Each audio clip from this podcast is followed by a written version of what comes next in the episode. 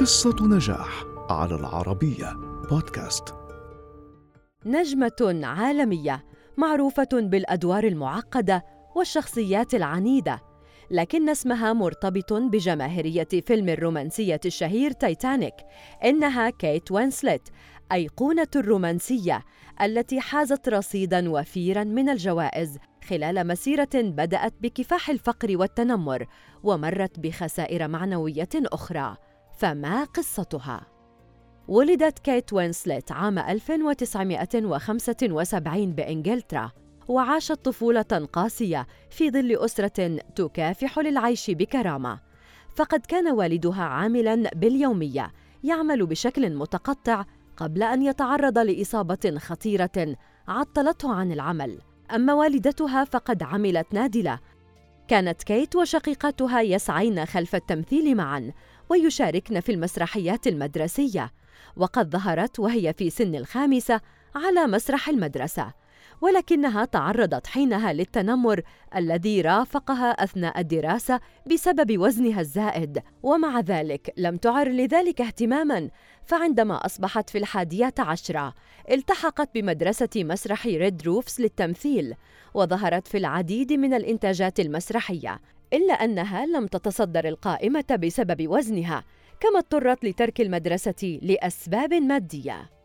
عندما أصبحت في الخامسة عشرة ظهرت كيت لأول مرة على الشاشة في مسلسل Dark Season كما ظهرت في العديد من المسلسلات الهزلية ولكن بدايتها السينمائية كانت عام 1994 في Heavenly Creatures حيث لعبت دور مراهقة قاتلة. ثم ظهرت في أعمال أخرى مثل فيلم Sense and Sensibility عام 1995 الذي حصلت من خلاله على ترشيح لجائزة الأوسكار لأفضل ممثلة مساعدة. لكن نجاحها الحقيقي كان مع فيلم الرومانسية الشهير تايتانيك الذي ترشح لأربع عشرة جائزة أوسكار وفاز بإحدى عشرة منها. ولم يسبقه فيلم آخر بعائدات شباك التذاكر إلا فيلم أفاتار الذي صدر بعد 12 عاماً. بعد الظاهرة التي أحدثها تايتانيك اتجهت وينسلت لعمل أدوار معقدة في أفلام مستقلة مثل Hideous Kinky و Holy Smoke و Quills و Eternal Sunshine of the Spotless Mind و Little Children. كما قامت في السنوات الأخيرة بأدوار مميزة في مسلسلات تلفزيونية مثل ميلدريد بيرس و I Am Ruth و Mare of Easttown التي شاركت في كتابتها.